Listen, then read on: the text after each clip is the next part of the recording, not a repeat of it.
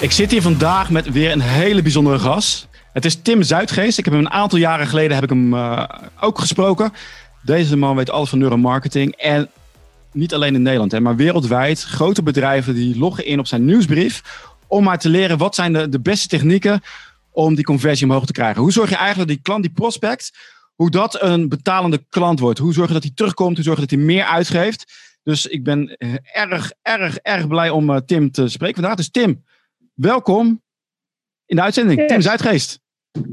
Superleuk man. Thanks dat ik hier uh, mag zijn. Uh, en voor deze mooie woorden natuurlijk. Ja, uiteraard. Nee, maar allemaal, allemaal verdiend. En we hebben een aantal uh, leuke berichten. Want jij wordt natuurlijk vaak ingehuurd door de grote bedrijven zoals de Heineken, de Albert Heijns. Die jij helpt met een conversie. Dat gaat om mega aantallen. Dit, dit is echt miljoenen per jaar. Gelukkig is er ook een methodiek. En daar ben je ook mee bezig. Gaan we het straks over hebben. Over jouw cursus. Dat eigenlijk de, de, de kleine ondernemer, de ZZP'er al deze technieken die bijna alleen maar voor de grote jongens zijn weggelegd, om die op een simpele manier toe te passen. Dus uh, daar gaan we het ook over hebben. Maar Tim, wat speelt u nu allemaal in neuromarketingland? Speelt er allemaal nou heel veel. Uh, we zijn uh, inmiddels bezig met een aantal nieuwe technieken om te kijken naar de hersenen. Dat is ook mega boeiend. Um, ja, om eentje te noemen, synchroniciteit kijken we naar. Dat is heel vet. Dan kijken we eigenlijk of alle hersenen op hetzelfde moment hetzelfde voelen. Um, en dat blijkt er heel erg veel voorspellend te zijn tot aankoop. Nou, dat is natuurlijk ideaal. Uh, maar dat zorgt er ook voor dat wij dus kunnen zien, als je dus kijkt naar die reclames, wat dus altijd goed werkt en wat niet. En daar halen we dus die learnings uit. Dus ik, ik vond het wel leuk wat je net zei. Voor Albert Heijn, voor die grote bedrijven en zo, daar, daar, krijgen we learnings uit wat goed werkt en wat niet goed werkt. Ja, en die kan je dan vervolgens natuurlijk weer uh, toepassen als je die vaker ziet. Uh, en dus ook inderdaad aan anderen vertellen toen je Albert ik moest meteen denken aan een leuke die, uh, die ik laatst uh, dus ook heb verwerkt in de training. En dat gaat over anchoring. Uh, nou, ik denk dat jij deze wel kent, maar voor de mensen die er nog niet eerder van hebben gehoord, anchoring dat gaat eigenlijk over dat als jij een groot getal hoort, dat je daarna ook geneigd bent om aan een groter getal te denken. Nou, dan denk je, oké, vaag voorbeeld, nou laten we even het experiment erbij pakken waarin ze dit goed hebben getoond. Ze hebben bij studenten gevraagd om hun laatste twee cijfers van hun telefoonnummer op te schrijven. Nou, uh, heel duidelijk, dat is natuurlijk gewoon een random getal. Bij mij is dat 8, 9. De overige zes cijfers, die houden we nog even geheim, maar wellicht kunnen we die nog uh, eruit halen. Nee. Dus 8, 9. En vervolgens vroegen ze aan uh, gewoon die mensen, van joh, wat zou je willen betalen voor dit kopje koffie? En ehm, nou, je zou zeggen, joh, de prijs voor een kopje koffie zou ongeveer gelijk moeten zijn voor iedereen. Maar dat was dus niet zo. De mensen die dus eerst een hoog getal hadden opgeschreven, waren bereid om meer te betalen voor het kopje koffie dan mensen die een laag getal hadden opgeschreven. Nou, daar zie je dus dat anchoring effect heel duidelijk uh, direct uh, ontstaan. Uh, want het zien van een groot getal doet je dus ook meer willen betalen uiteindelijk. Super interessant. Nou, dit kan je al zelf toepassen bijvoorbeeld heel makkelijk. Door als jij drie pakketten aanbiedt. Stel dat jij een, een coach bent uh, of je verkoopt een, iets online en je hebt drie pakketten. Om dan het duurste pakket links te zetten en het goedkoopste pakket rechts. Want mensen lezen van links naar rechts en ziet dus het goedkope pakket in het licht van de prijs van het duurdere pakket. Misschien is dat duurste pakket zelfs een pakket die je niet wil verkopen. Uh, of in ieder geval niet per se wil verkopen, maar er vooral staat om die andere prijzen goedkoper te doen lijken. Nou, waarom zeg ik dit? Albert Heijn heeft dit dus getest. Ze hebben een AP-test gedraaid op een website. En um, ze hebben dus gekeken of het uitmaakt of het aantal gram van een product, dus een rijst 300 gram, uh, dat stond eerst links onderin, niet bij de prijs. En dat hebben ze daarna bij de prijs gezet. En ja hoor, ze zien dus dat, dat die kleine verandering voor hun voor duizenden euro's meer uh, omzet zorgt. Misschien zelfs wel tonnen. Ik, ik heb het exacte bedrag niet van hun uh, mogen horen, dat wilden ze dan niet delen. Maar het maakte wel een verschil, want je ziet nu ook op een website in de app dat de grammage, dat gewicht, dus dicht bij de prijs staat. Is echt, echt bizar. We zijn toch ook, ik weet niet of jullie dat spel kennen voor de kijkers thuis die wat ouder zijn. Lemmings was een spel vroeger. Lijkt een beetje op een soort uh, een spel waarbij je dus een groep, een groep moest leiden door een bepaald gevaarlijk territorium. En die konden niet zelf nadenken. En iedere keer als ik met neuromarketers praat, denk ik van ik ben toch eigenlijk ook maar gewoon een, een schaap wat alleen maar van buiten getriggerd wordt. En als jullie zeggen ga, ga links, ga ik links. En als je ga rechts, ga rechts. Heb ik nog vrije wil? Of is het echt puur alleen maar outside triggers? Nou, kijk, laten we vooropstellen dat je natuurlijk vooral zelf bent geneigd te denken dat je nog heel veel controle hebt. En ik denk voor sommige grotere keuzes is het ook zo. Hè? Het is natuurlijk niet zo alsof ik nou tegen jou ga zeggen dat jij straks een andere hypotheek gaat afsluiten. Best wel grote keuze.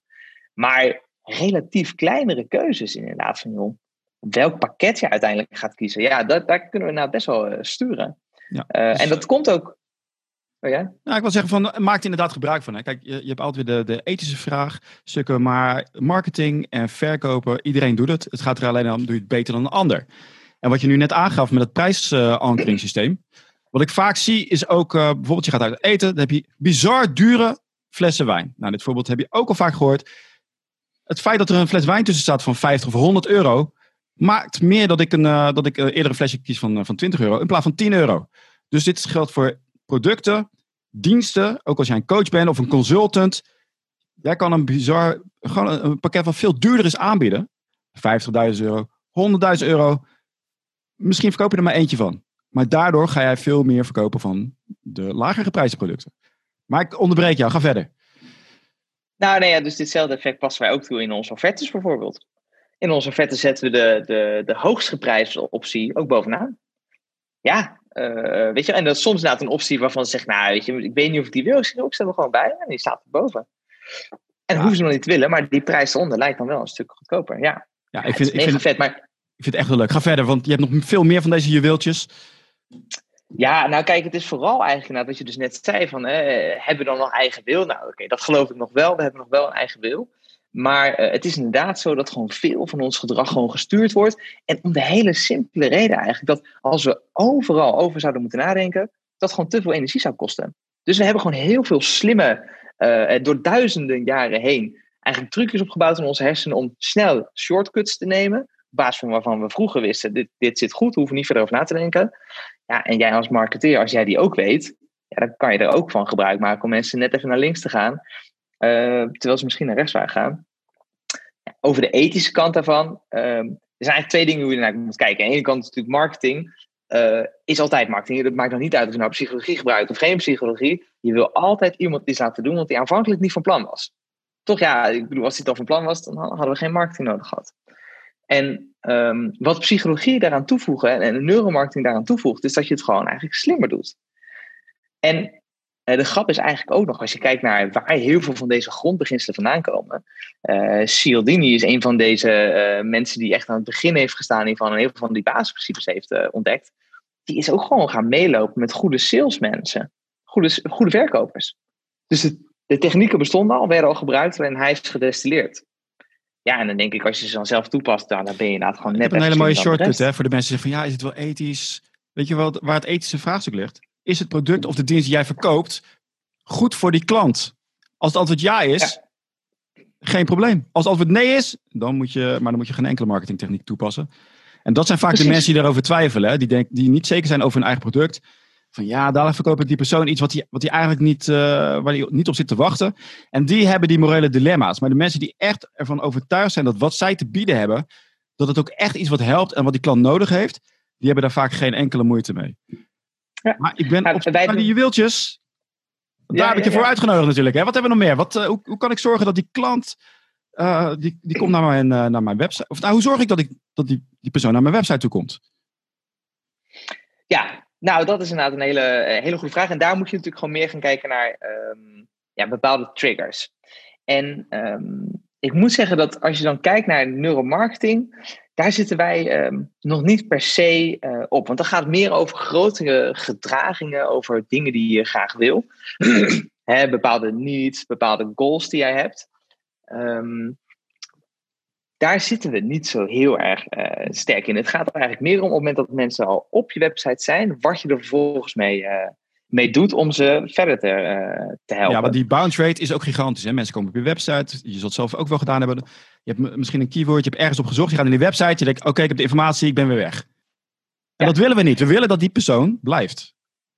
Precies. Ja, en, en dat is eigenlijk waar je dus veel beter dit soort technieken voor kan inzetten. Je hebt de aandacht eigenlijk al. En hoe ga je die aandacht nou volgens goed uh, gebruiken? En, en dat kan laten zijn door uh, een bepaalde nieuwsgierigheid te werken of door mensen een soort valse keuze te laten geven. En, en deze vind ik zelf ook hilarisch. Valse keuze, dat klinkt misschien een beetje gek. Maar um, je moet je voorstellen, eigenlijk zou je het ook kunnen zien dat als jij één knop hebt op je website en je komt op je website staat, koop nu. Nou, daar valt al heel veel over te zeggen dat koop nu eigenlijk al best wel hard is. Dus, wat gebeurt er als ik klik op deze knop? Maar hè, dus dat weer wat zachter hebben, misschien plaats in een winkelmandje. Maar ehm, dat voelt een beetje als een soort, ik doe het wel, ik doe het niet. Een soort 50-50. En het is net een beetje als uh, mijn oma vroeger zei, weet je, de, de, de kans dat je loterij wint is 50%. En je wint hem wel, of je wint hem niet. Uh, maar die, um, die, dus één knop voelt heel erg als één keuze. En wat hebben ze nou uh, onderzocht, uh, ondervonden, en wat wij zelf ook heel vaak terugzien in AB-tests die we voor uh, onze klanten doen, is dat op het moment dat we een tweede knop toevoegen, neem eventjes als voorbeeld bij bol.com, voeg toe aan winkelmandje.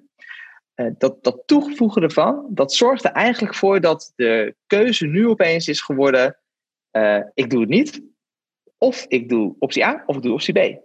En als je dat gelijk verdeelt, is het eigenlijk 66% kans dat je A of B doet, en nog maar 33% kans dat je het niet doet. Terwijl het eerst 50% kans was. En ze ja, oké, okay, weet je wel, Tim. Dit, dit, dit, dit, leuk dat je dit zo uitlegt, maar is het dan ook echt zo? Ja, in websites waar we dit toevoegen, die zien dus 15% meer conversie. Simpelweg door het toevoegen van een extra keuze die, ja, ja, ja je ook niet per se wil. Je winkelmandje stop, maar uh, ik doe het, toch ik doe mensen. Ik doe het altijd maar mijn, uh, mijn kinderen, zeg ik. Uh, wil je wat wil je aantrekken? Wil je de blouse of de, die blouse of die blouse? En dan geef ik ze een keuze en dan mogen zij kiezen. En dan denk ze, ah, ik heb gekozen. Als ik zeg, uh, kleed je aan, zeggen ze, nee. Nee. Dus uh, voor de mensen thuis, zeggen, zo gaat dat. Hè? Ja. ja, ik moet zeggen, er is wel volgens mij een soort leeftijd waarvanaf dit werkt. Want ik probeerde het dus laat bij mijn dochter. Ik zeg, wil je de melk uit dit flesje of uit dit flesje? En toen was het nee. En toen dacht ik, nee, nee, dat was niet de optie die ik gaf, hè? Werk even mee aan het onderzoek, uh, kind. Ja, nee, inderdaad, nog een bepaalde leeftijd. Hey, maar ja. Weet je wat het mooie is? Normaal gesproken moet je zelf als uh, onderneming of een grote onderneming moet je mega veel tests uitvoeren. Maar het leuke is dat dit allemaal al gedaan is door uh, ja, mensen zoals jij. Uh, of jij, jij laat ook zien. Jij vertaalt ook die onderzoeken, want er zijn er echt duizenden. Maar jij vertaalt ze op een simpele manier. En het leuke van jou is, ik ben, laat, vertel me even de website, want daar schrijven zich mega grote bedrijven in. Dat zijn de marketeers van die afdelingen. Om maar achter te komen wat de nieuwste ja, de nieuwste research is op het gebied van marketing. En dat vind ik echt heel leuk. Want ja, je, je was voor mij klein begonnen, maar de mensen schreven zich wereldwijd in. Welke website was het ook weer? Ja, dat is newneuromarketing.com.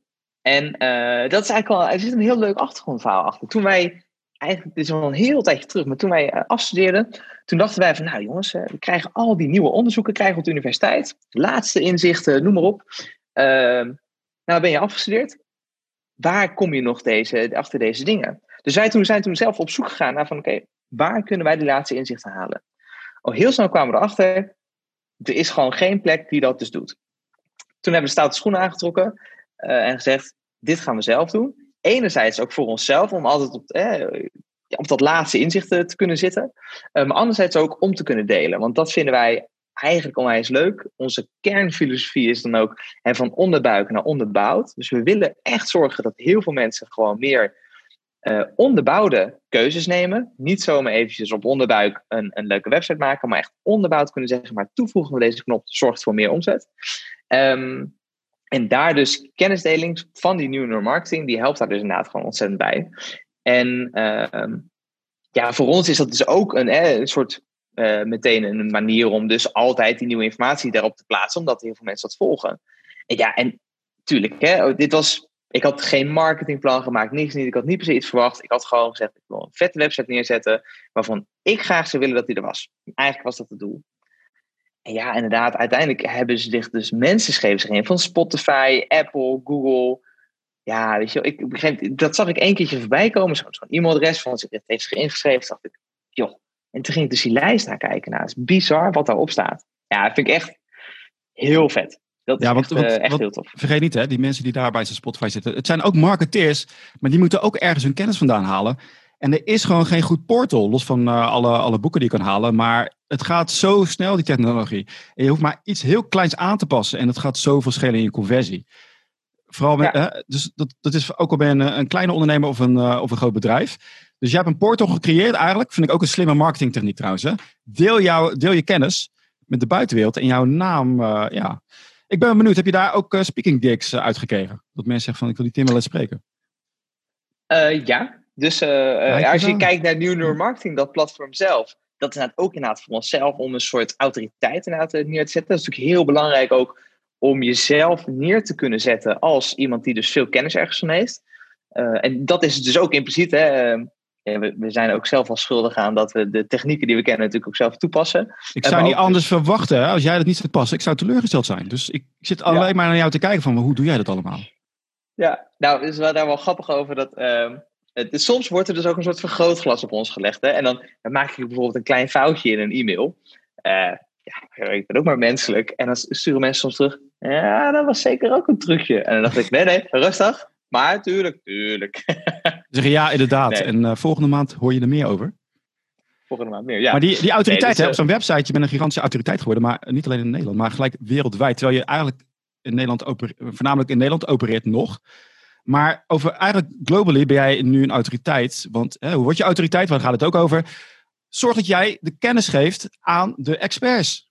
Dan sta je erboven. Ja. Mensen kijken naar je op. Je doet het ethisch. Je, geeft, je vertaalt eigenlijk studies in gemakkelijk begrijpbare taal, omdat het zo snel gaat.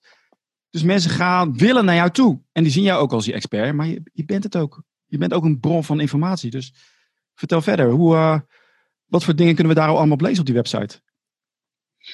Nou, uh, en, en nou moet ik wel zeggen dat die, uh, het gaat inderdaad supersnel, hè, die, die ontwikkelingen. Um, en als je kijkt naar wat we specifiek op New Marketing doen, is dat we de laatste inzichten, en dan heb je het echt over één wetenschappelijk paper, uh, vertalen naar een praktisch marketinginzicht. He, wat, wat kan jij er als marketeer nou mee? Want laten we wel wezen, van de 100 onderzoeken die gepubliceerd worden, 200 onderzoeken in, in, in, onze, in ons veld, daarvan zijn er 20 echt zeg maar praktisch toepasbaar. Sommige andere zijn gewoon niet, weet je, een van die inzichten, super interessant, gaat over, uh, of mensen uh, qua gewicht meer jojoend zijn of uh, vast, zeg maar vast, dik of dun. Uh, en wat blijkt nou? Mensen die dus jojo in hun gewicht, ja, die, die kan je op uh, die kan je eigenlijk veel beter dunne modellen laten zien, was eventjes in dit onderzoek. Terwijl mensen die zich eigenlijk vast wat voller voelen, daar kan je dan weer beter modellen laten zien die ook wat voller zijn. Mega interessant, moet je absoluut kunnen toepassen. Maar hoe kom jij erachter of jouw klant, hoe ze zichzelf ziet? Dat weet je niet. Je kan niet. Ja, tenminste, als jij waarschijnlijk als jij. Uh, dus we hadden wel bedacht, als jij dus een, een um, hunkemuller bent, dan kan je wel zien dat de BH-maat waarschijnlijk soms verschilt de ene maand, de andere maand. Daar zou je het aan kunnen zien of die jojoot, maar nou, gaat wel heel ver. Dus aan die onderzoek heb je dan wat minder. Um, maar ga je onderbreken? Dus ook... Ga onderbreken? Een quiz? Vertel. Dat je inderdaad de vraag stelt van, uh, ben, je, ben je een persoon die heel veel jojoot of zit je vaak stabieler op een wat, wat groter gewicht? In een vraagformulier, waardoor mensen zich kunnen inschrijven voor iets. En de mensen die dus zeggen yo-yo, nou dan weet je wat je daaraan moet tonen. Dus, uh... Ja, ja, shit. Ja, ja ik zie het al. Je bent, niet, je bent het er niet mee eens, dus uh, ik, ik zeg ook maar wat. Nee, nee, ga, nee, ga verder. Nee, nee, nee. Okay, okay, ik ben het helemaal met je eens. Zo'n quiz op een website, man. Zo'n simpele vraag eigenlijk stellen, dat werkt supergoed. We weten dat mensen um, een vraag stellen is hem eigenlijk uh, beantwoorden. En eigenlijk hoe makkelijker de vraag, hoe liever je hem wil beantwoorden. Een van die die, die, mooie vragen die ik altijd, zo mooie vragen, maar die, die we soms eens gebruiken is, iedereen heeft hier wel een mening over. Weet je uh, de wc-rol in de, in de wc, hangt het stelletje bij jou uh, naar voren of aan de verkeerde kant? Uh, ik vind het geen vraag, want we weten allebei dat er maar één mogelijk antwoord is, Tim. Dus dat is, deze vind ik een beetje onzinnig. Uiteraard moet het velletje aan de buitenkant hangen. En daar zijn geen, er is eigenlijk geen enkele, ja, er is geen discussie over. Dus ik vind het een beetje een slecht voorbeeld, Tim. Snap ik. Uh, sorry daarvoor, man. Maar ik, ben het, ik was heel bang dat je ging zeggen: ja, die, achterkant, de verkeerde kant. Uh, maar inderdaad, maar het leuke is dus dat heel veel mensen hebben hier echt een mening over. Het is super onzinnig. Uh, tenminste, bij andere toiletten, bij mijn toiletten, is het heel nuttig om dit gesprek wel te voeren. maar, ehm, maar dus stellen is hem eigenlijk invullen. En zo'n quiz op een website, ja, dat werkt ook super goed. En dat zit eigenlijk al een beetje hetzelfde in die vorm van uh, van die, uh, die extra keuze naast die knop. Uh, want je geeft mensen eigenlijk een aantal keuzes en ze bedenken niet dat de keuze om het niet te doen eigenlijk ook een optie was. En het bijgevoegde voordeel hiervan is ook nog eens consistency. Dit is een van die basisprincipes van Cialdini. Um, dat wanneer men een actie met jou doet, dat men ook sneller geneigd is om die volgende actie dan te nemen. wie A zegt moet B zeggen, is bijna een beetje dat, dat idee. En, um, en super, laag, super, vraag... super, super, laagdrempelig inderdaad. Hè? En ik vind het een leuk, leuk voorbeeld van die wc-rol. Mensen hebben daar een of, om de een of andere reden, ik merk bij mezelf ook, een soort passie voor. En het slaat eigenlijk helemaal nergens op. Dus die val ik nog niet. Maar ik voel ook van, ik heb ook zoiets van, waarom doen die mensen nou andersom? Maar er is een hele groep, andere groep mensen die weer anders denkt. Maar je, je engagement is gigantisch hoog daardoor. Maar ga verder. Nou, die quiz werkt supergoed. Ja, wij hebben een pop-up op onze website. Um, en die, die, die komt gewoon omhoog met een vraag. Um, mensen die, uh, dan moet ik even goed zeggen hoor, waar of niet waar is dus de, de vraag. Mensen die vaker zeggen naar een film te gaan, eh, als ik het ze vraag, gaan uiteindelijk minder vaak. Waar of niet waar? En wat bleek dus nou, dat is dus inderdaad uh, waar. Uh, mensen doen niet wat ze zeggen en zeggen niet wat ze doen. Dat is iets wat we heel veel terugzien in, in onderzoeken. Um, en dat kwam dus ook uit een, dit is ons eigen onderzoek, waarin we dus filmtrailers hebben getest. Door te kijken naar hersenactiviteit zagen we dus wel van, joh, oké, dat kunnen we goed zien als mensen op neuraal niveau een film leuk vinden op basis van die trailer. Dan zien we ook dat in het gedrag terug. En, maar we hebben het ook gevraagd aan mensen na het zien van die trailer: van joh, zou je deze film willen bezoeken? Zeiden ze ja, deden ze nee. Oké, en zag je verschil in het neurale, uh, hoe noem je dat? Normale, neurale foto wat je zag? Dus die mensen die zeiden ja, ik zou inderdaad gaan, hadden die wel, waren die wel geïnteresseerd in die film? Op neuraal niveau? Nee, nee, nee, dus daar zit ook natuurlijk een verschil in. Dus mensen die ja zeiden, die voelden soms nee. Dus dat, dat uh, maar dus dan, daar ga je dus ook maar, weet je, als je dus aan mensen vraagt, en dit is trouwens ook echt een, een, een pitval die je kan hebben, bijvoorbeeld als je kijkt naar je website, als je dus aan andere mensen gaat vragen, vrienden, je moeder, weet je, oh, zou jij gaan kopen? Ja, natuurlijk, zegt ze ja. En dat is dus geen, uh, uh, weet je, dit, maar dat, dat zie je dus ook bij mensen. Mensen zijn heel snel sociaal, weet je, geneigd sociale gewenste antwoorden te geven. Terwijl het brein ligt niet. En dat is zo simpel. Gedrag ligt ook. En, en, het thema wat hier ook in terugkomt is, uh, vragen, de, vragen de klanten wat ze willen hebben. Alleen mensen gaan inderdaad sociaal wenselijke antwoorden geven. Ik, dus je moet dat op een hele bijzondere manier doen. Eigenlijk een soort, ja, op een ninja manier. Dat mensen niet direct weten van wat er eigenlijk van ze gevraagd wordt. Want ze gaan sociaal wenselijke antwoorden geven. En voor je het weet heb jij een product ontwikkeld. Ja, maar iedereen wilde dit hebben. En ze wilden er echt 10.000 euro voor betalen. Uiteindelijk nee dus. Gebeurt dat dus niet. En dat heeft te maken met hoe jij die vraag stelt. De context en hoe je de gegevens interpreteert. Maar deze vond ik wel interessant inderdaad. Van uh, mensen zeggen, ja, ik ga naar die film. En dan, dan gaan ze gewoon dus niet. Heb jij daar enig idee van hoe dat komt? Ja, en dat is eigenlijk omdat mensen heel slechte voorspellers zijn van hun eigen gedrag in de toekomst.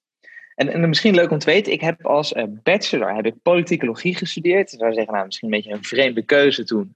Uh, maar ook dat gaat natuurlijk hè, over, politiek gaat ook over beïnvloeding. Een en al. Ehm, E-, een en al. Nou was die studie daar ook, ook heel erg over meer over instituties, maar dat maakt niet uit. Maar daar kwam bijvoorbeeld ook uit terug, en dit vond ik al bizar, dat heel vaak uh, surveys van vragen aan mensen, wat heb jij gestemd, niet overeenkwam met wat men gestemd had. Dus zelfs gedragingen uit de geschiedenis kan, kunnen mensen niet heel goed uh, reproduceren.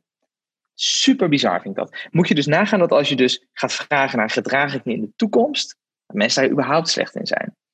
En dat komt eigenlijk omdat wij, en dat komt er weer terug op wat we al eerder zeiden, we laten ons zo erg beïnvloeden door externe factoren, door uh, ja, bijna hè, zijn we ons brein, zijn we, weet je, ons eigen, heb je een eigen wil. Um, je laat je daar zo door beïnvloeden, wat je niet weet, want dat is natuurlijk het belangrijkste. Heel veel dingen weet je gewoon niet. Wij gelukkig wel iets beter. Hè? Uh, en als je dat weet, kan je daar dus gebruik maken. Maar omdat je dat niet weet, kan je dus ook heel slecht je toekomstgedrag voorspellen. En het is ook zo. En, ik, heb, uh, ik, ik onderbreek je even, want ik wil even mensen dit boek aanbevelen. Jij bent niet zo slim en hier staat op een, een, leuke manier uitgelegd al die psychologische valkuilen, waarom jij dus niet zo goed bent in de, om de toekomst te voorspellen. Aan de ene kant word je er een beetje depressief van. Je denkt van, oh, ik word echt geleid als een soort, uh, ja, een ongeleid projectiel ben ik. Ik word gestuurd door de buitenwereld. Maar aan de andere kant, als je het herkent, dan ga je het ook terug zien komen. En kan je ook veel bewuster zijn in keuzes. Dus ja. Eh, nu ben ik even kwijt wat je net zei. Het laatste onderzoek. Help me even. Uh, ah. met de filmtrailers. De filmtrailers, inderdaad. Uh, dus de, fout wordt gemaakt inderdaad door die, door die, om die vraag te stellen. Kan het zijn, want ik zie het ook wel eens met goal setting, hè, van je hebt een heel groot doel neergezet. Ik ga dat en dat bereiken, maar ik, ik had een onderzoek gelezen, ik heb de naam niet meer, dat als je het ging vertellen aan heel veel mensen, dat je daardoor al die dopamine spike in je hoofd had, alsof je het al had bereikt. En daardoor was je minder geneigd om je doel te bereiken. Heeft het daarmee te maken? Um, dat gok ik niet. Ik denk dat er wel echt andere processen at play zijn. Um, het is wel interessant, hè? want andersom gezien kan het wel heel erg werken om uh, dingen te delen met mensen. Maar dan zie je dat dan eigenlijk vaak als jij stopt met roken bijvoorbeeld, of een aantal dingen waar je eigenlijk sociaal aan gehouden moet worden. Um, daar werkt het heel goed bij om te zeggen tegen anderen van, joh, hey, uh, weet je wel, ik ga, uh, ik, ga, ik ga niet meer roken, ik ga niet meer drinken. Ja, dan, dan teken je eigenlijk een sociaal contract ja. en daar wil je vervolgens aan houden. Maar inderdaad, als jij dit um, doet. En ik heb dit onderzoek inderdaad laatst ook gelezen. Het staat niet heel goed bij me inderdaad. Maar dat, je, je hebt die dopamine rush al. Dus je hebt eigenlijk je doel al bijna bereikt. Ja, en daardoor heb je minder motivatie om dat te gaan doen. En dat is wel uh, uh, zonde. Ja, was bijzonder, hè? Want ze, ze zeiden vroeger altijd van... ja, je moet het juist aan heel veel mensen vertellen. Maar uh, misschien is het juist dat je, het, dat je de boodschap wel moet vertellen... maar een, een negatieve boodschap misschien. En nog wat over die, over die peilingen van mensen weten heel slecht wat zij gaan doen in de toekomst. Nou, je ziet heel veel peilingen en die peilingen kloppen nooit. Bijvoorbeeld, er is nu een peiling die geeft aan van, we zitten in een coronacrisis. Er is een peiling, 70% van de mensen zal dat vaccin nemen. Maar als je rond gaat vragen, in mijn omgeving is het helemaal niet zo. Maar het is heel lastig. Maar door die peiling zouden mensen kunnen denken, oh, 70%, de meerderheid neemt wel het vaccin. Dus ik neem ook het vaccin. Dus het, een peiling aan zich is al een mega sturend middel. Het is echt niet zomaar om te laten zien van uh, zo kijken de mensen naar. Dit kan je echt inzetten om mensen een bepaalde kant op te sturen. Zie ik het, goed? Zie ik het zo goed, uh, Tim? Jij bent, uh, jij bent expert. Nee, absoluut. Dus, en dit zag je bijvoorbeeld in Amerika ook heel goed. Hè? Dat, um, tenminste, er zijn meerdere factoren die hier gespeeld hebben. Maar toen Hillary Clinton tegen Trump natuurlijk ging, toen waren de peilingen heel erg in favor of Hillary. Uh, en dat zorgde er eigenlijk voor dat heel veel mensen van Hillary waarschijnlijk niet meer gingen stemmen. Omdat zij zich soort met veilig voelen van, joh, weet je, we lopen toch al voor. Ja. En want iedereen gaat al stemmen, dus waarom ga ik dan... En Trump-stemmers dachten, oh crap, nu moeten we echt even up our game. Want uh, ja, misschien gaat hij wel verliezen. Dus inderdaad, het, en dat vind ik eigenlijk het bizarre dat daar nog heel weinig mee gedaan wordt. Of misschien ook wel, hè, dat weet je natuurlijk niet. Maar um, de, het invloed wat jij hebt door nieuws naar buiten te brengen, heeft alweer een soort sturende werking. Gelukkig is het wel zo, als je even naar de wat andere kant kijkt, hè, um, zelfdodingen komen dus al bewust gelukkig niet meer in het nieuws. Dus hier hebben ze gelukkig wel afspraken over gemaakt. En want ze weten ook dat hoe meer dit in het nieuws komt, hoe meer mensen het gaan doen. Dat is ja, zo. Het is wel gelijk weer een domper, Tim. Maar het is wel waar. Ja, hè? Als je dat, uh, oh, dat is gebeurd, dat is al die negatieve energie die zorgt ervoor dat mensen dat, ook dat idee krijgen. Dus daarom ben ik ook heel erg bezig met. Uh, je ziet bijvoorbeeld op Netflix bijvoorbeeld, zie je heel veel uh, gewelddadige programma's, satanistische programma's. En ik weet dat ik toen ik jonger was, oh leuk, vampieren enzovoorts. Maar er komt zoveel negativiteit om in je onbewuste. Dat ga je allemaal oppikken. En dat gaat je ook een bepaalde kant op sturen. Want je gaat ook anders denken over je waarden en normen. Dus het is heel belangrijk om te kijken, wat komt hier binnen? Kijk, de mensen die naar deze aflevering ja, de mensen die hier naar kijken, dat zijn, dat zijn slimme mensen. Die weten, al, die weten al van, er is iets als beïnvloeding. Heel veel mensen weten dit niet eens. Maar als je het weet, kan je het dus op een ethische manier toepassen. En ja, er zijn, er zijn zoveel tactieken. Is er nog iets wat jij aan de mensen kan laten zien waarvan je zegt van, nou, ik had het echt niet verwacht. Maar uit onderzoek bleek gewoon dat dit het geval was. Ja, ja. Nog eventjes terug te komen. Het is eigenlijk wel grappig wat je zegt. Uh, de mensen die dus nu al kijken, die hadden een keuze. Hè, ga ik lekker Netflixen of ga ik dus dit kijken? Dus de grap is dat je nu al eigenlijk al een stap voor ligt. dus je bent al bereid om dus tijd te investeren, energie te investeren in nieuwe dingen leren. En dat vind ik eigenlijk al mega vet. Je behoort dus al deze mensen. Het is eigenlijk jammer dat we ze niet kunnen zien, want ik sta naar jou op het scherm, naar mijn camera. maar dat dit dus de mensen zijn die dus uh, echt naar meer willen. En dat, dat vind ik heel tof, want daar word ik, krijg ik zelf ook heel veel energie van. Uh, want ik omgeef me graag ook weer met mensen die dus graag meer willen doen, meer, meer kennis willen hebben. Noem maar op. En, en één ding, en dan Netflix, en dan ga ik kijken of ik dan een bruggetje kan maken, want ik vond hem nog wel leuk. Overigens in Netflix. Oh, oké, dus wist je, blijkbaar, oké, dus ik, ik, ik, moet een klein stuk, ik weet niet 100% zeker of dit echt zo is, een beetje conspiracy theory, maar het schijnt dat de rookindustrie uh, Netflix sponsort via zo'n, weet je zo'n zo'n stichting die niet helemaal terugvalt naar hun, maar wel is gedaan, weet je, follow the money. En dat zij dus dat moment van House of Cards, waarin Kevin Spacey in het raam zit met zijn uh, vrouw, dus is, uh, Frank Underwood, en die zo'n teug neemt aan een sigaret. Hij rookt eigenlijk niet meer, maar neemt één teug en zo. En dat moment van, ah ja, even weer roken, dat dat dus gesponsord is. En dan zie je dus ook weer hè, hoe erg. Uh, kijk, het hoeft niet waar te zijn hè, dat dit zo gesponsord is, maar dat, die scène zorgt er absoluut voor dat mensen niet roken, weer denken: ah ja, wat lekker gevoel. En dus eerder geneigd zijn om te gaan roken. En als dit waar is, vind ik het echt super smerig, want bij de vak zijn ze daar en niet open over en doen ze dit zo. Um, maar het beïnvloedt ons wel. Dan uh, dan een, een, trucje door naar het volgende, wat wel leuk is. Eentje die we uh, vaak terugzien. En dit is onderliggend aan iets. Als je het echt hebt over iets wat ik niet wist of niet had verwacht, is, is, is dit hem eigenlijk wel. En het is echt een hele leuke, want als je dit weet, dan kan je dit bijna overal toepassen. En dat, dat is een soort één inzicht, dat rules them all in, in dit zicht. en dit gaat eigenlijk vooral over video. Dus als je video maakt, zit een belangrijke. Um, wat zien we nou terug? En ik ga een aantal voorbeelden geven waarin je dat dus, uh, dit ene inzicht eigenlijk gaat terugzien. Um, neem even dus Netflix, heel veel goede series. Als je het gaat, gaat uit je oplet, dan zal je zien dat als er één shot is, hebben we zoomen in op Kevin Spacey. Sorry, ik zeg het eigenlijk al. We hebben een, shot van Kevin Spacey. Dan zie je dat we daar heel langzaam op inzoomen. En dat zie je eigenlijk aan de randen. Dus dat zie je nu ook al met mijn handen, weet je wel. Uh, als je kijkt met bijvoorbeeld een tafel, dan zie je een beetje die randen weggaan. Nou, en dat inzoomen, zorgt er op breinniveau voor dat wij ook echt ingetrokken worden. En het omgekeerde zien we dus ook heel vaak terug in uh, ons breinonderzoek. Als er heel snel wordt uitgezoomd, dan zoomen we mentaal gezien ook uit.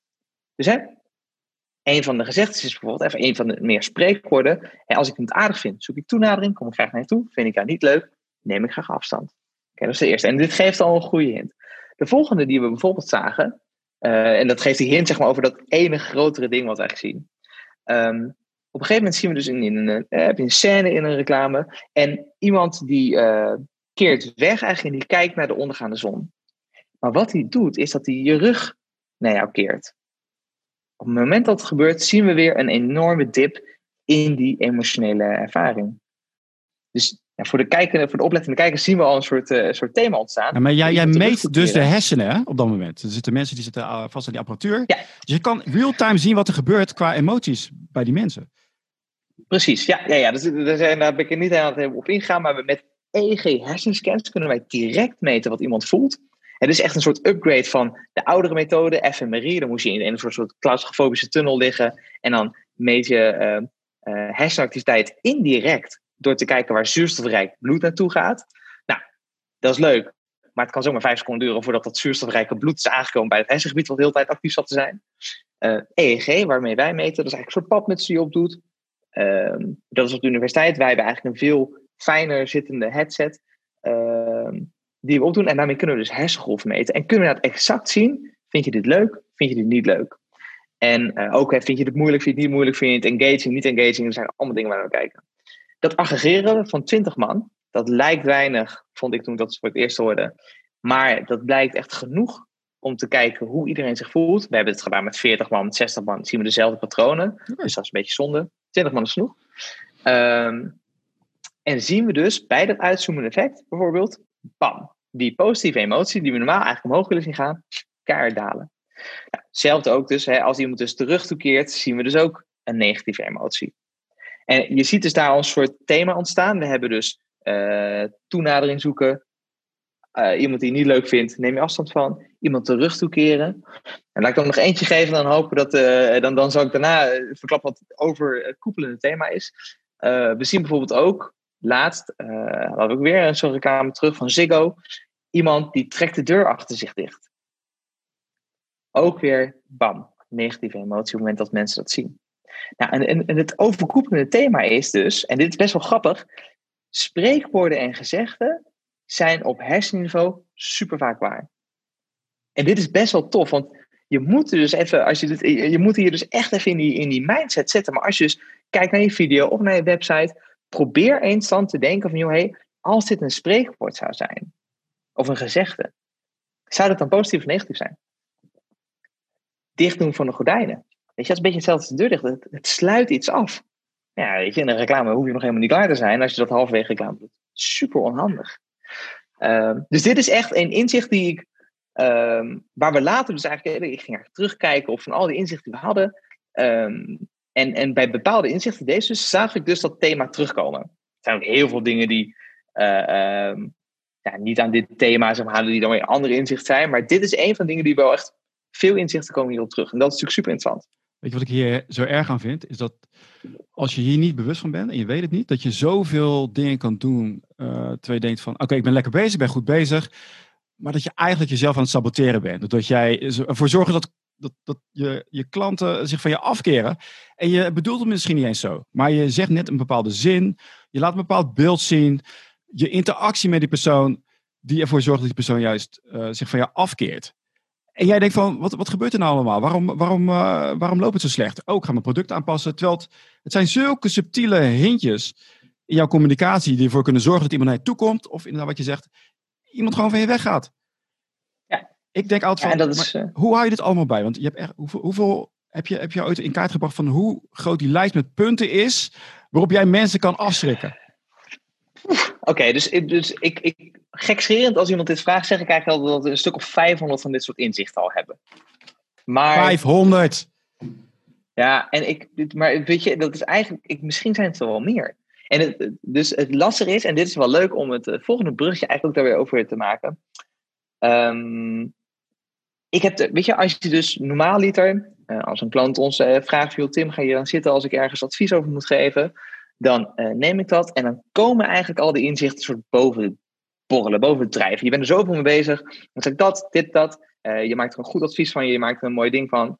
Maar niet gestructureerd. Weet je ik bedoel, als ik dit moet overleveren, als ik straks, uh, als ik dit aan mijn collega's wil vertellen, ja, ik kan je mogelijk zeggen van, joh, ja, weet je, haal me erbij en ik kom wel met, met advies. Uh, en mede daarom ook ben ik dus ook gaan beginnen aan het maken van een training waarin ik dus al die kennis die ik dus heb, die heb ik eigenlijk in de loop van de tijd gewoon het opgeschreven, waardoor je dus gewoon nu dat allemaal kan vertellen en overdragen. En dat, dat is eigenlijk nog veel toffer natuurlijk. Want ja, het is natuurlijk leuk dat wij voor die grote merken werken.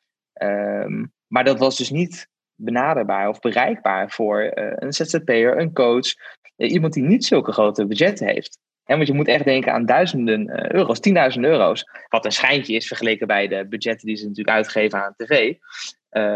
maar ja, een, een, een, gemiddelde coach gaat natuurlijk mij geen 10.000 euro geven om zijn website te verbeteren. Ook al zorgt dat advies er natuurlijk voor dat hij waarschijnlijk een ton meer omzet kan halen. Weet je, dat, dat is een. Uh, nou, weet je, het is, ik, dat, dat, dat, ik denk dat je daar wel in vergist hoor. Want uh, je bent net, net in deze markt. Maar kijk, er zijn, er zijn ondernemers uh, die kijken naar kosten, puur dus een kostenpost. Maar als je echt goed nadenkt, is een investering. Het is een geldmachine die je maakt. Als jij ergens in investeert en je gooit er 1 euro in, in een machine en er komt 2 euro terug, hoeveel geld ga je er dan instoppen? Het feit Dat, dat mensen niet die, dat die bedragen aan jou betalen, is omdat zij niet van overtuigd zijn dat zij dat zelf kunnen. Maar de kunst is om het zo makkelijk te maken, en dat heb jij ook gedaan in je trainingen. Je hebt er nu voor mij, uh, voor mij al twee af. Dat je het op een manier doet waardoor het ook toepasbaar is, zodat dit voor iedereen, ja, dat iedereen het op een gemakkelijke manier kan toepassen. Dus er is heel veel angst, maar dat is onnodig. Maar er is gelukkig een grote groep mensen die wel ziet wat die waarde is. En die investeert, maar die krijgt het ook terug. Hè? Dus dan, ja, luister, als ik, als ik 10.000 euro investeer en ik krijg er 20.000 euro voor terug, een maand later, lekker belangrijk. Maar ik vind het mooi, je hebt het, eh, je hebt het benaderbaar gemaakt in die training.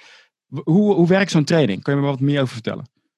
Ja, ja om, over die investering nog terug te gaan. Soms als we die AB-testen doen hè, en dus zo'n zo'n aanpassing maken, dan zien we heel vaak al tijdens die AB-test al drie keer zoveel omzet extra binnenkomen dan dat die test gekost heeft.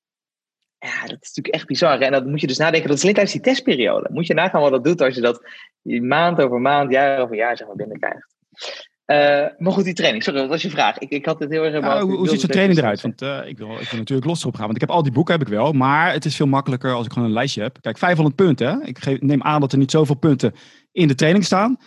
Maar wel de best practices. Van wat, wat zijn nou goede dingen die ik kan aanpassen? Hoe is mijn mindset? Hoe kan ik nadenken over die klant die langskomt? Zodat hij ook de perfecte ervaring heeft en terug wil komen en het liefst ook aan uh, anderen vertelt. Ja. Ja, en kijk, als je natuurlijk ook kijkt uh, ik heb inderdaad ook al die boeken gelezen. Uh, en het lastige is, sommige van die boeken, daar staat dus onzin in. Ja, dat vind ik heel jammer om te zeggen, maar sommige boeken zijn heel goed, sommige zijn niet goed. Dus ik, ik moet eigenlijk al een soort schifting maken. Nou, ik vind het heel lastig om te zeggen welke boeken dan wel goed zijn, niet goed zijn. Uh, ik merk wel, boeken waar heel veel ik in staat, die zijn vaak van mindere kwaliteit. Uh, dus ik, ik wil er nog een soort met ik-ratio van maken, maar dat is een soort andere uh, iets.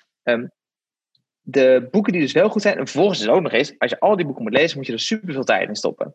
Nou, en wat ik heb geprobeerd eigenlijk met die training, is inderdaad echt de kerndingen eruit te halen die werken, die wij ook getest hebben, waarvan we weten dat die werken. Um, en inderdaad gewoon de, de take-home points uh, die jij direct kan toepassen, om dus uh, die gewoon ja, je website beter te laten converteren, die, van die bezoeker een boeker te maken. Uh, credits overigens daarvoor gaan naar iemand anders, deze heb ik niet zelf verzonnen.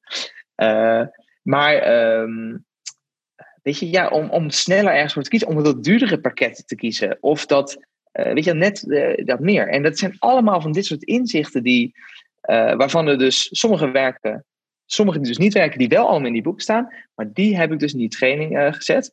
En het, wat ik eigenlijk wilde met die training, want ik heb ook soms van die training gevolgd, denk ja, dan wordt de eerste soort geschiedenis uitgelegd over hoe dit of dat zit. Nou, daar heb ik echt geen zin in.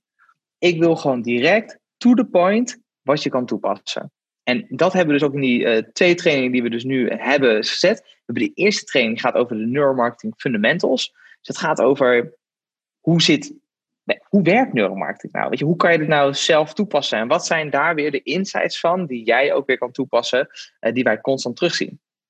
En dat gaat over dat, uh, hoe dat eye-tracking werkt, hoe EEG werkt. En mega interessant. Maar ook inderdaad, eigenlijk na elke les ook weer, bam, vijf inzichten die wij constant terugzien, die jij ook direct kan, uh, kan toepassen. En um, dat is dus die, die, die eerste training. Dat is eigenlijk de training die ik had willen hebben toen ik net uh, van de universiteit zat, of op de universiteit zat, uh, om gewoon te weten, hoe werkt dat nou? Hoe zit dit? Nou, was er niet. ik heb vervolgens nou, bijna tien jaar al voor mooie merken mogen werken. Uh, en heb dus eigenlijk een training gemaakt die ik graag had willen hebben toen ik begon. Dat is die eerste. En die tweede training is natuurlijk ook weer um, mega tof. En daar, daar, daar zit eigenlijk nog meer kennis in dan die eerste training. En dat is over online beïnvloeding.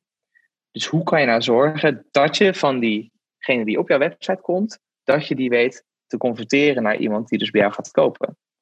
En uh, laten we wel wezen, het gaat natuurlijk niet bij iedereen van je websitebezoekers gebeuren. Maar als jij een verdubbeling weet te krijgen van de mensen die dat nu al doet, is het natuurlijk bizar.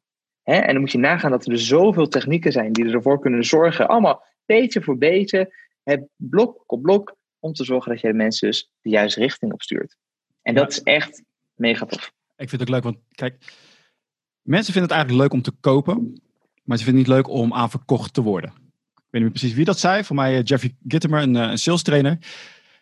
Maar als jij kan zorgen voor een. Ik heb het wel eens op een website, hè, dat ik denk van. Uh, dan zie je opeens. Oké, misschien vond hij ook dit leuk. Oh, of ik klik daarop. Dat ik door het gevoel dat het zo lekker gaat. Dat geeft mij ook wel een lekker gevoel. Van, oh, er is zoveel aandacht en tijd aan besteed. En ik kan altijd aan mezelf rationaliseren dat ik het ook echt nodig heb op dat moment. Maar dan maak je het gewoon ook een veel leukere ervaring voor die personen op je website. Dus ja, ik, ik, als ik het zie, ik herken het dan word ik daar blij van. Anders dan dat ik iets zie dat ik denk van, oh jee, hier is echt geen tijd en energie aan besteed.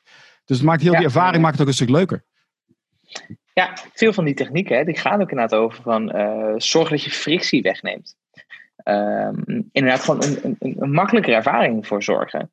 Maar andere technieken zijn er ook weer voor die je dan niet per se door hebt. Weet je, zo'n zo'n knoptoevoeging neemt niet per se frictie weg. Tenminste niet uh, op een bewust niveau.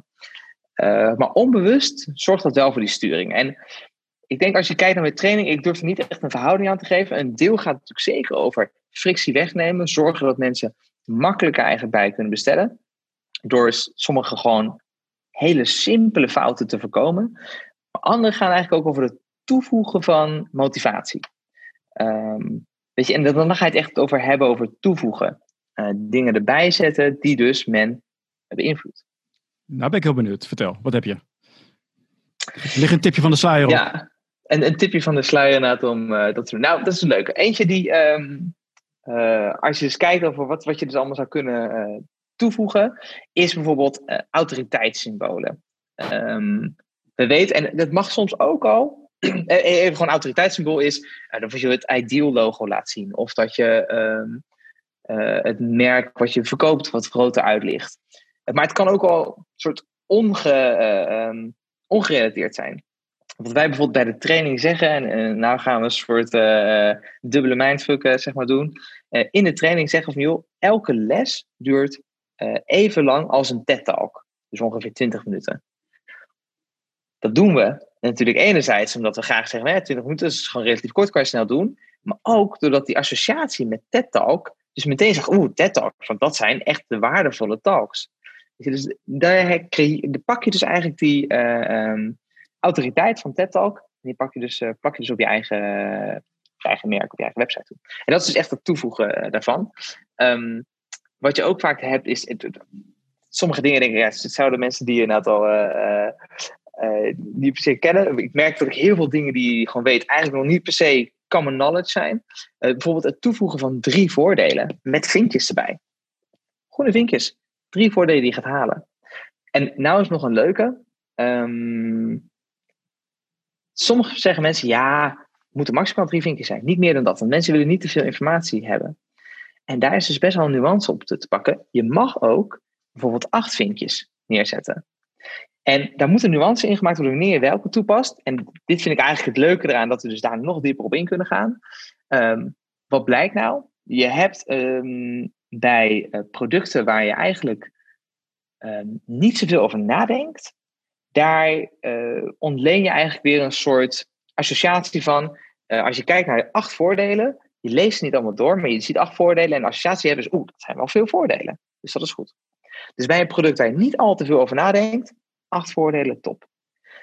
Bij een product waar je wel veel over nadenkt, iets meer, hè, dus daar iets meer ja, tijd neemt om die keuze te maken, daar ga je die voordelen lezen. En als het er dan acht zijn, ja, dan ga je middelen. Dus dan ga je al die acht voordelen lezen. En logischerwijs, ze zijn niet alle acht even sterk. Dus de laatste is ook significant minder sterk dan die eerste.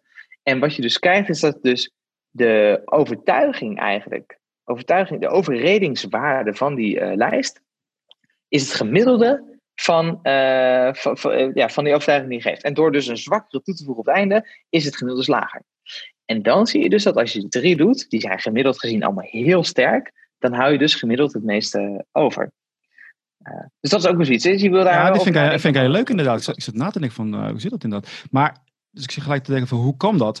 Maar misschien omdat je er echt over nadenkt. Maar dat gaat op gevoel, hè? want we denken allemaal, doen we het rationeel? Nee, we doen het allemaal op gevoel.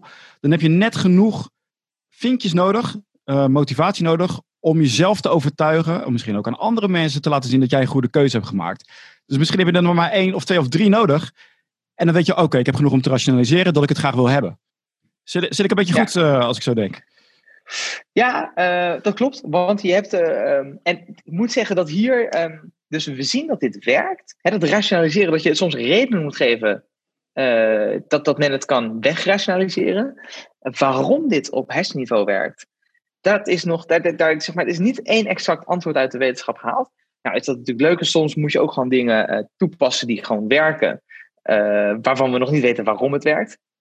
Um, het is dus um, eigenlijk zo, dus je wil emotie aanspreken, want dat overtuigt mensen. En als je kijkt naar autoverkopen, dat is precies hetzelfde. Uh, men koopt waarschijnlijk toch wel een auto waarmee men het beste gevoel heeft. Maar men geeft vervolgens nog redenen die je dan kan gebruiken, eigenlijk naar het richting anderen, om dat gevoel goed te praten. En we weten wel dat het inderdaad zo zit, is dat we worden overtuigd van ons onderbewuste. Maar we zijn altijd een soort uh, advocaat zeg maar, voor onszelf om terug te redeneren en dan te zeggen, ja, maar dat zijn de redenen waarom. Je, wil niet, je wil niet voor gek zijn, hè? Zo, ik heb echt een brute auto uh, die je niet nodig hebt, een, Mercedes of iets. En dan komen anderen zo, uh, mooie auto. Ja, want hij heeft uh, dit, dit. En dan ga je allerlei rationele dingen. Maar eigenlijk heb, heb je gewoon een, een, goed gevoel erbij. En dat doen we met alles. Je wil gewoon niet voor gek staan, ook als jij in een, in een groot bedrijf zit en je wil een, een training kopen voor, uh, voor, je, voor je personeel, dan wil jij aan je leidinggevende een goed verhaal kunnen uh, geven waarom jij dit, deze training hebt gekocht. Omdat je niet voor gek wil staan. Dus ook naar familie, ook naar vrienden wil jij ervoor zorgen dat, jij, dat mensen denken, zo, daar heb jij goed over nagedacht.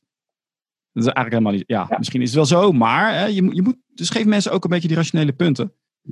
Ja, dat geeft helemaal niks. Maar het belangrijkste is wel, begin met de emotionele punten. Of we beginnen met het, het, emotioneel overtuigen eigenlijk. Ja. Dus die, die rationele dingen moeten absoluut bijstaan.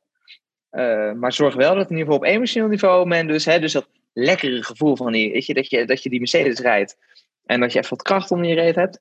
Dat lekkere gevoel, dat moet wel eerst zijn. Want men moet eerst zeggen voor, voor zichzelf, oeh, ja, dat wil ik graag hebben. En dan pas denken ze, oké, maar wat zijn redenen die ik aan anderen mag geven om uh, mijn werk, heb, heb je daar nog een paar, uh, heb daar nog een pareltje voor? Van hoe zorg ik dat ik die emotie raak? Want soms, soms heb je echt saaie producten. Waarvan je denkt van ja, welke emotie raakt dit? Hoe, uh, hoe, hoe kom ik bij die emotie? Um, nou kijk, emotie is natuurlijk nog wel een... Um, als je echt puur emotie neemt, is het best wel een vaag begrip. Want wat is emotie nou? En wat ik eigenlijk ermee bedoel, is dat je men op het onbewuste moet zien aan te spreken. En dan heb je het veel vaker over associaties en priming. Dus associaties is dat je bijvoorbeeld op een website waarin jij... Uh, je wil bijvoorbeeld succes verkopen. Jij gaat succes bereiken na het volgen van deze training, noem maar op. Dat jij uh, als achtergrondafbeelding iemand laat zien die succes heeft. En um, dat is eigenlijk wat ik bedoel dan met, met emotie. Want dat is het eerste wat je ziet en op een onbewust niveau komt dat dan binnen. Um, en dat is ook weer direct een soort associatie. Want je denkt hé, hey, diegene heeft dat, of wordt hiermee geassocieerd, daar wil ik me mee associëren. En bam, het is niet wat je actief denkt, want alles gaat onbewust. Maar dit is wel hoe het gaat. Ja, want je, je, dus daar, je, er zijn de echte drijfveren die eronder zitten. Van waarom wil je succesvol worden? Of dat, hoe ziet dat beeld eruit? Ja, dus eigenlijk de echte, de ware drijfveren. Maak altijd zo'n, uh, voor mezelf maak altijd zo'n trechtermodel. Oké, okay, waarom, waarom koopt deze persoon dit? En wat wil hij dan? Wat wil hij ervaren? Wat zit er echt achter? En die wil je als eerste aanspreken. Maar ik vind, ik vind ja, het leuk ja, inderdaad. Of een fotootje erachter met uh, een succesvol persoon. Ja, gewoon iets. Ja, bijvoorbeeld. Dus dat zijn de dingen die je kan, uh, kan toepassen daarin. Om, om dus die emotie dus eerst uh, te raken eigenlijk. Wat, wat zijn, dus de, sterkste, wat zijn de sterkste emoties die je kan, uh, die kan aanpakken? Zijn heb je een rijtje van, je kan beter op de blijheid of juist op angst. Wat zijn emoties waarvan je zegt van, nou, daar moet je eigenlijk mensen op aanspreken? Nou, dus we weten dat verlies, hè, dus angst, dat dat heel goed werkt. En dat op zich, als je over nadenkt, dan merk je ook, hè, die fear of missing out dat werkt dat supergoed. Booking heeft niet van niks. Het derde resultaat, altijd, als je bij Booking iets gaat zoeken, het derde resultaat, uitverkocht. waarom staat het er dan? Hè? Als het uitverkocht is, toon het dan niet. Maar dat zorgt er ook voor dat je denkt, oh, het kan blijkbaar snel gaan. Dingen kunnen uitverkocht zijn. Ik moet snel handelen. Um, dus uh, angst is een hele sterke uh, trigger wat dat betreft. En die kan je heel makkelijk toepassen, bijvoorbeeld uh, als je het over nieuwsbrief inschrijven. Je kan zeggen, eigenlijk, je kan op die winst zitten. Dus je kan zeggen van, nou ja, schrijf je in uh, voor nieuwsbrief en ontvang altijd de laatste inzichten. Ontvang is echt tot winst. Maar je kan ook op die angst, op die verlies zitten. Schrijf je in voor de, uh, voor de nieuwsbrief en mis nooit meer het laatste nieuws. Waardoor je dus veel meer op die angst inderdaad gaat zitten. Dus dat is inderdaad een, uh, een hele sterke die, die werkt. Um, dus ja, dat is wel een hele goede. Tegelijkertijd is juist sociale bewijslast. Dus zien dat andere mensen het doen, ook weer een hele sterke. Maar die zijn wel een soort mutually exclusive bijna. Hè? Je kan dus niet laten zien, nee, honderd man uh, doen dit. Uh, maar het, het is, uh, er zijn er heel weinig van. Ja, dat kan dus wel, maar dat moet je dus, daar moet een soort balans tussen, tussen zijn. Ja, misschien heeft het ook te maken met het soort product wat je verkoopt. Hè? Dus soms moet je zelf ook testen. Dus daarom is het leuk om, om daar ja, iets, iets te hebben wat je ernaast kan leggen. En het kan snel gaan. Dus ik zou zeggen, maak gebruik van mensen die al getest hebben. Tim, uh, heel veel pareltjes van wijsheid. En ik denk als je al deze uh, dingen al toepast die wij hebben besproken, dan ga je al gigantisch veel harder. Dan, heb je al, dan ga je zeker, gaat je conversie omhoog. Maar voor de mensen die meer willen, die zeggen van nou, ik, uh, de reis is nog niet afgelopen. Ik wil zien wat er nog meer is. Ik wil zien wat er nog meer is, wat ik misschien fout doe zelfs. Om even op die angst aan te, aan te spreken. En gewoon een makkelijk iets om te zorgen dat ik het goed doe. Waar kunnen mensen naartoe? Ja, ja unravelacademy.com. Daar staan al onze trainingen op. Um, en dan de twee trainingen die denk ik het meest relevant zijn eigenlijk voor, uh, voor de kijkers nu. Uh, zijn dus die neuromarketing fundamentals en de training meer conversie uh, met neuromarketing en psychologie. Um, en vooral die laatste training, daar zitten zoveel supervol um, dingen die je wel moet doen, die je moet niet moet doen. Kijk, het, nu hebben we een leuk gesprek, zit supervol waarde, maar ook heel veel leuke uh, talks. In die training ga ik echt, echt alleen in op de dingen die je dus uh, moet weten. Dus dat zit eigenlijk vol van dat soort inzichten. Ja, wat ik zeg, uh, het zijn er misschien wel 500. en, en zoveel mogelijk heb ik echt in die trainingen gedaan. Dus dat is één grote waardebom eigenlijk die ik daar neerzet. Ja, er zijn heel veel positieve signalen af van de, van de eerste groep mensen die, uh, die die fundamentals training heeft gevolgd. Heel veel positieve referenties, erg leuk. Er zijn ook bedrijven, hè, je kijkt ook grotere bedrijven naar. Je, hebt, je gaf al aan dat je voor de Heineken's en de Albert Heijns hebt, hebt gewerkt. Die willen dat graag uitbesteden. Dus ik wil je ook nog vragen, stel ik ben een groot bedrijf en ik wil echt dat mijn omzet van uh, 1, 2, 10 miljoen naar 20 miljoen gaat, hebben ze jou ook nodig. Maar dat is makkelijker om het jou te laten doen. Wat je al zei, dan kom je langs en jij uh, je gaat wel. Waar, gaan die, waar kunnen die mensen naartoe? Ja, die kunnen naar unravelresearch.com. Um, en inderdaad, hè, soms zie je inderdaad uh, dat, dat bedrijven op een gegeven moment zeggen van... hé, hey, ik merk dat die investering in Tim, uh, dat dat zich zoveel meer terugbetaalt. En dat ik dat sneller kan doen dan dat ik het, als ik het zelf zou doen. En dat is natuurlijk een afweging die, die ze kunnen maken. Um, en dat is ook wel grappig, hè? dat zie je op een gegeven moment als... ik weet niet of jij dat ook zo ervaart. Maar op een gegeven moment komt er een moment in je, je bedrijf je denkt... hey, maar misschien weten anderen wel meer. Dus laat ik nou gewoon eens daarin investeren. En dat kan dus wel zijn door een cursus te volgen. Wat al echt wel een supergoede stap is. Want ik vind ook, hè, als ondernemer moet je zelf ook gewoon veel weten om echt te weten waar je kan bijsturen. En soms moet je net ook weten, hey, ik moet die consultant gewoon inhuren. Want ja, dat kost eventjes veel geld. Maar dat levert aan de andere kant ook veel meer op. Dus dan is een investering. En eigenlijk geen, uh, geen kosten. Nou, als jij, als jij uh, 10 miljoen per jaar uh, omzet draait over je website en je komt met een paar tweaks, kan je daar 20, 30, 40 van maken. luister, jou, dat bedrag dat is gewoon bijna gratis. Zo, wil ik, zo durf ik zelfs te stellen. Dat is vaak wat, wat fout gaat in marketingbudgetten. Dan gaan ze van tevoren het marketingbudget vaststellen. Maar wat ze eigenlijk moeten doen is kijken naar, kunnen we tracken? En dat kan, dat kan jij heel goed. wat krijgen we ervoor terug? Wat ik al zei, dan heb je eigenlijk een unlimited marketingbudget. Want waarom zou je jezelf tegenhouden om meer geld te verdienen? Maar voor de grote ja. bedrijven, ik, wat, wat was je website nou? AT&T? Of, of uh... En we hebben ook Studio STNT. Studio STNT, dat was hem. Ja, Studio STT is het eigenlijk.nl.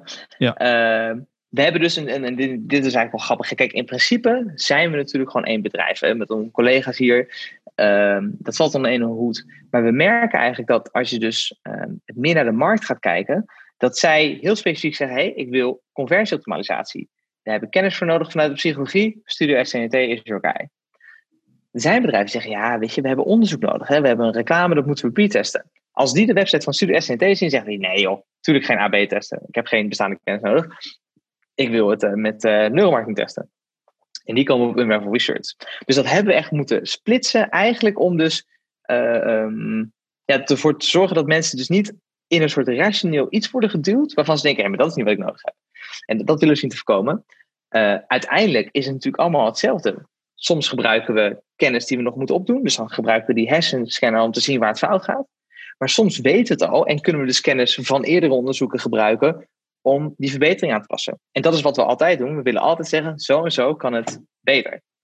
Uh, en de grap is nou, bij Studio SCNT doen we dus heel veel conversieoptimalisatie. En zoals ik net al eerder zei, soms zien we al tijdens die test dat het al meer heeft opgeleverd dan uh, dat het heeft gekost. En heb je het alleen al over die twee weken. Ja, en ik vind dat echt, dat, dat, als we dat zien, dan soms denk ik ook, hè, klopt dit nou echt? Weet je wel? Is er nou echt gewoon 10.000 euro meer omzet gedraaid in de testgroep? Door die ja. ene aanpassing die we gemaakt? En zeg ik, ja, en dan, dan kan je tegen die kant zeggen, nou ja, moet je dus nou even nagaan als dit dus een half jaar op je website draait. Kijk, je gaat je verbaasd, uh, je gaat echt verbaasd zijn, want heel veel van die, uh, ook voor die grote bedrijven, die huren dan een websitebouwer in. Die maakt die website heel functioneel met allerlei handige leuke dingetjes, maar totaal niet geoptimaliseerd voor conversie.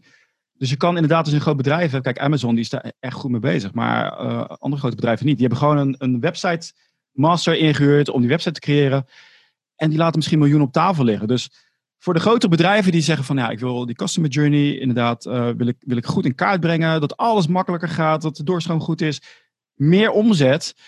Uh, ik wil inderdaad die tonnen of die miljoenen, die wil ik, die wil ik hebben. Huur jou in. Ik bedoel, die, uh, wat is het, die 50 of die 100k is niks.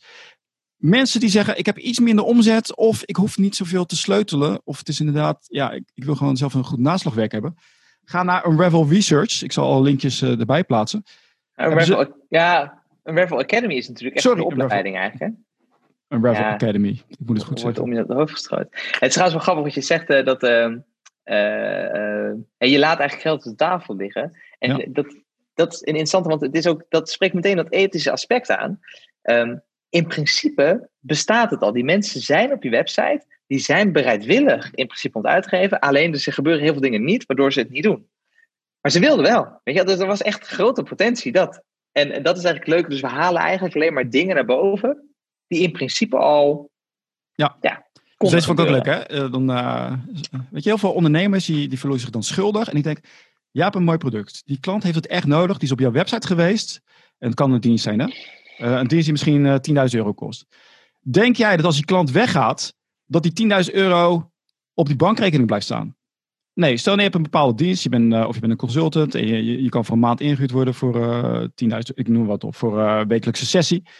Die klant gaat die 10.000 euro aan iets anders uitgeven. En denk je eens in wat die klant dan gaat missen, omdat hij het niet bij jou heeft gekocht.